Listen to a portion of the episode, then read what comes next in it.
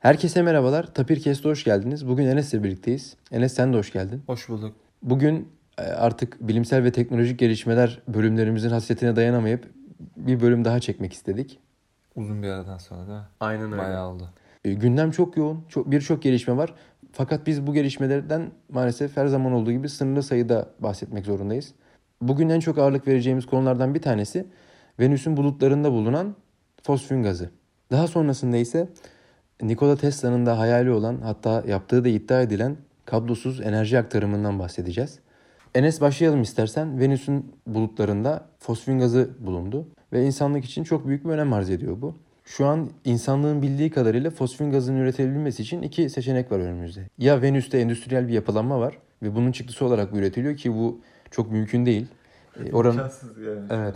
Yaşam koşulları ve ortam göze alındığında ya da bulutlarda tespit edilen edildiği iddia edilen fosfin gazının e, aslında biyolojik bir sürecin çıktısı olarak orada duruyor olması. Zaten dediğimiz gibi Venüs'ün yüzeyi bildiğimiz yapılaşma için yani biyolojik yapılanma için pek uygun bir yer değil. Evet burada yaşayabilecek bazı mikroorganizmalar var.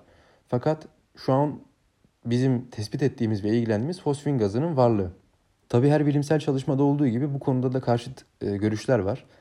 Mesela geçenlerde gördüğüm bilim adamının yazdığı bir yazıda şunu e, söylüyordu. Eğer ben o veriyi inceliyor olsaydım orada tertemiz bir gürültü var derdim dedi. E, şimdi isim vermeyelim. E, yani böyle görüşler de var. Yani dediğim gibi oradaki işaretin, sinyalin e, tamamen bir gürültü Olması gerekiyor. Evet, gürültü olması gerektiğini savunuyor. Tabii e, yayınlanmış bir makale var. E, ispatlanmış bazı, ispatlanmaya yakın bazı şeyler var çürütülmediği sürece. Çürütülmemesini umuyoruz. Çünkü çürütüldüğü andan itibar- itibaren yaşam ihtimalleri biraz azalıyor. Çünkü bildiğimiz yollarla fosfin gazının üretildiğini bildiğimiz yollarla bu bu gazı bu fosfin gazının bu kadar oranda yani sanırım şey değil mi Enes? Milyon parçacıkta bir. Milyon parçacıkta 20 İ- mi? Milyon parçacıkta Öyle bir 20. şey. Evet. Ha. Milyon parçacıkta 20 olarak tespit edilmiş. Ve bu bizim bildiğimiz doğal süreçlerin çok çok üstünde bir rakam. Yani hatta şey yapıyorlar hani bütün doğal süreçler bir araya geldiği Hı hı. zaman bile hani bu bu miktarda bir fosfin gazına rastlanamayacağını söylüyorlar. Evet. Dolayısıyla e, fosfin gazının tespit edilmesi bizim için çok önemli. Ya şu açıdan önemli. Dünya dışındaki gezegenlerde bir yaşam belirtisi var mı? Bunu aradığımız için çok önemli. Yoksa kim bazı insanlar için hiçbir şey ifade etmiyor da olabilir yani. Sen de söyledin yani bu e, dünya dışında bir canlının belirtisi bile insanları çok heyecanlandırıyor. Yani bizi de heyecanlandırdı. Mars'ta yapılan çalışmalar ortada Evet. Yani e, benim aklıma şey geliyor bazen hani bu kadar Mars'a yoğunlaşıldı yoğunlaşıldı. Bir anda Venüs'ten bir haber çıktı işte fosfin gazı tespit edildi. Şimdi Mars'taki çalışmalar e, Devam işte edecek. hani devam edecek de hani onun e, reklamı biraz daha hani düşecek gibi geliyor. Ama tabii e, bu fosfin gazının bulunması çürütülmezse yani bu olayın gerçek olmadığı e, bazı kişiler, kurumlar tarafından belirlenmezse Evet. Yani şu gerçeklikten ziyade üretiliş yolundan bahsediyoruz. Yani belki bizim bilmediğimiz fakat doğal bir sürecin sonucu olan ama yaşam belirtisiyle alakası olmayan en azından bizim bildiğimiz yaşam açısından belirtisi olmayan bir sebep de olabilir. Fakat elimizde şu an böyle bir kanıt yok. zaten öyle diyorlar. Hani ya dünya dışında yaşayan bir canlıyı tespit edece- edeceğiz ya da e, fosilinin bizim bilmediğimiz bir biçimde ortaya çıkışına şahit olacağız diyorlar. Ama bazıları da bunun yanlış ölçümler olduğunu savunuyor. Yani ölçümlere direkt yani böyle söylemek doğru mu bilmiyorum ama çamur atıyorlar. Yani e, ölçümleri yanlış almışsınız.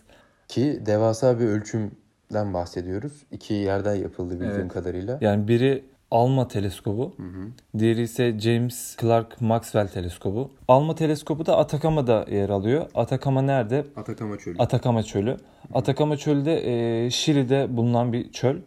E, dünyanın en kuru yeri olarak biliniyor. en kurak mı ya? En kuru diye geçiyor. Çünkü e, hem nem açısından hem e, bulut yoğunluğu açısından dünyada e, bu ikisinin en az bulunduğu yer. Bu da nasıl bir avantaj sağlıyor? E, gökyüzünü daha berrak görmemizi sağlıyor. Teknik olarak gökyüzünün arkasına da geçtiğimiz için Önümüzdeki ilk engellerden birinin bizim hata oranımızı daha düşürebilecek seviyede olması bizim daha iyi ölçümler almamızı sağlıyor. Bu yüzden de Atakama Çölü tercih ediliyor. Zaten Atakama Çölü'nde de şu anda dünyadaki birçok şirketin e, çalışmaları sürüyor. Bahsettiğimiz makale 14 Eylül 2020'de Nature Astronomy'de yayınlandı. Tabii hata oranından ve gazın tespit edilmesinden bahsettikten sonra iş gazın nasıl tespit edildiğine geliyor.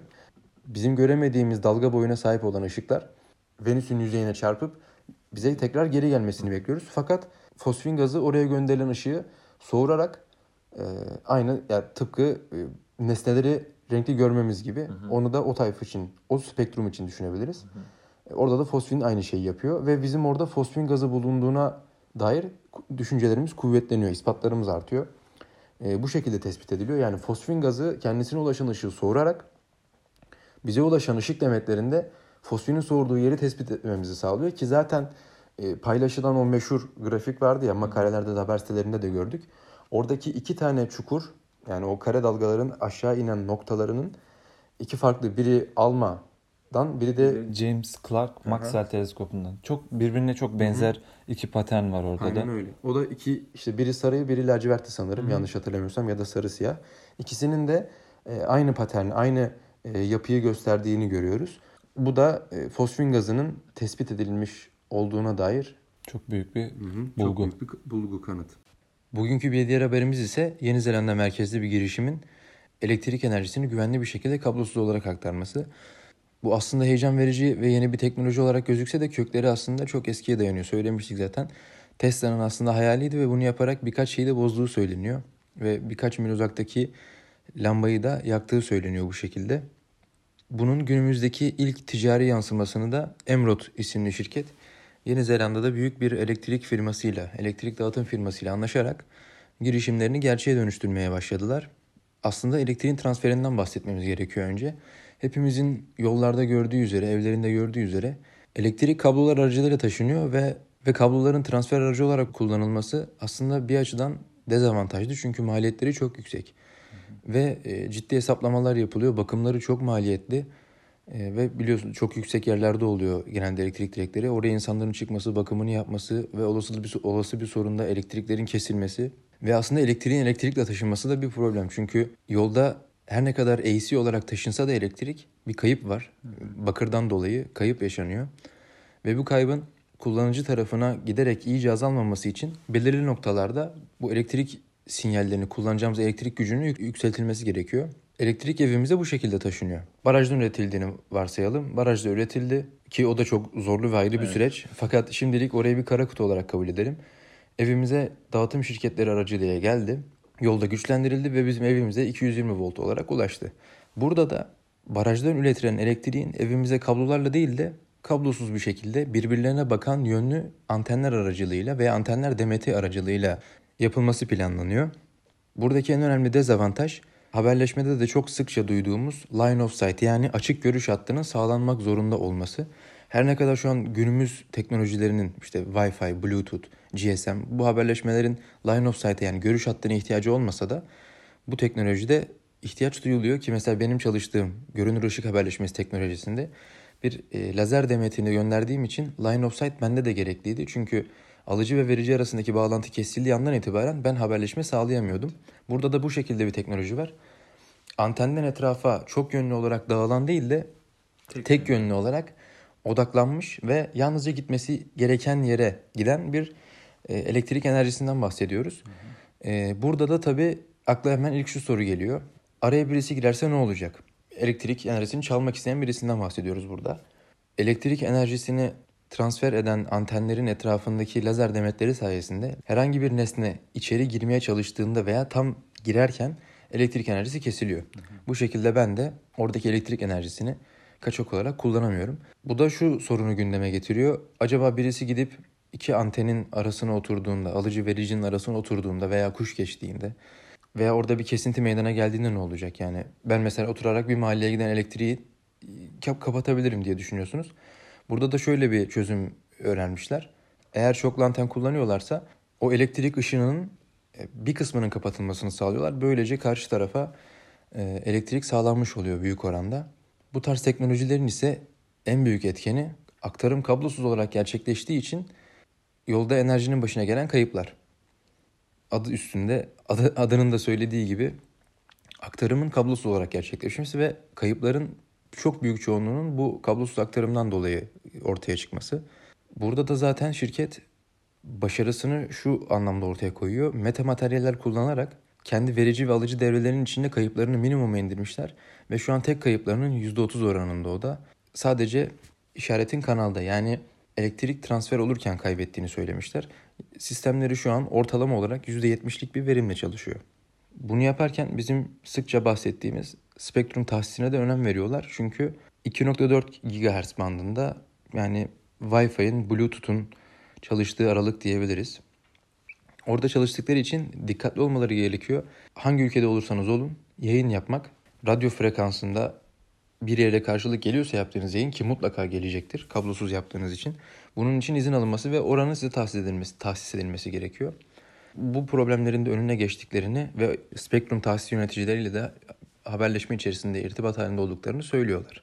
Aslında Tesla'nın hayali olan tek bir noktadaki elektrik enerjisi vericisi bu projede biraz daha kapsamı daraltılmış ve ticarileştirilmiş durumda. Çünkü Tesla'nın projesinde insanların ne kadar elektrik kullandığını ölçemiyorduk. Yani Ölçmemekti zaten amaç. Yani herkese ücretsiz olarak elektriği sağlamak Tesla'nın amacı ama şu an ticarileştirilmiş durumda ve insanlar bundan para kazanmak istiyorlar. Burada da insanlara kablosuzu evlerine götürmek değil de evlerine giden yoldaki kablosuz e, gücü kullanmakta. Zaten Yeni Zelanda'da bir dağın tepesinde konumlandırmışlardı. Yani bu bizim evimize gelirken bizim göremeyeceğimiz yerde olan bir işlev olacak. E, ama tabii ki bakır kabloların kullanımını, maliyetini ve bakımlarını düşündüğümüzde çok büyük bir e, mali kazanç olacak ortada. Daha doğrusu kayıp engellenecek diyelim.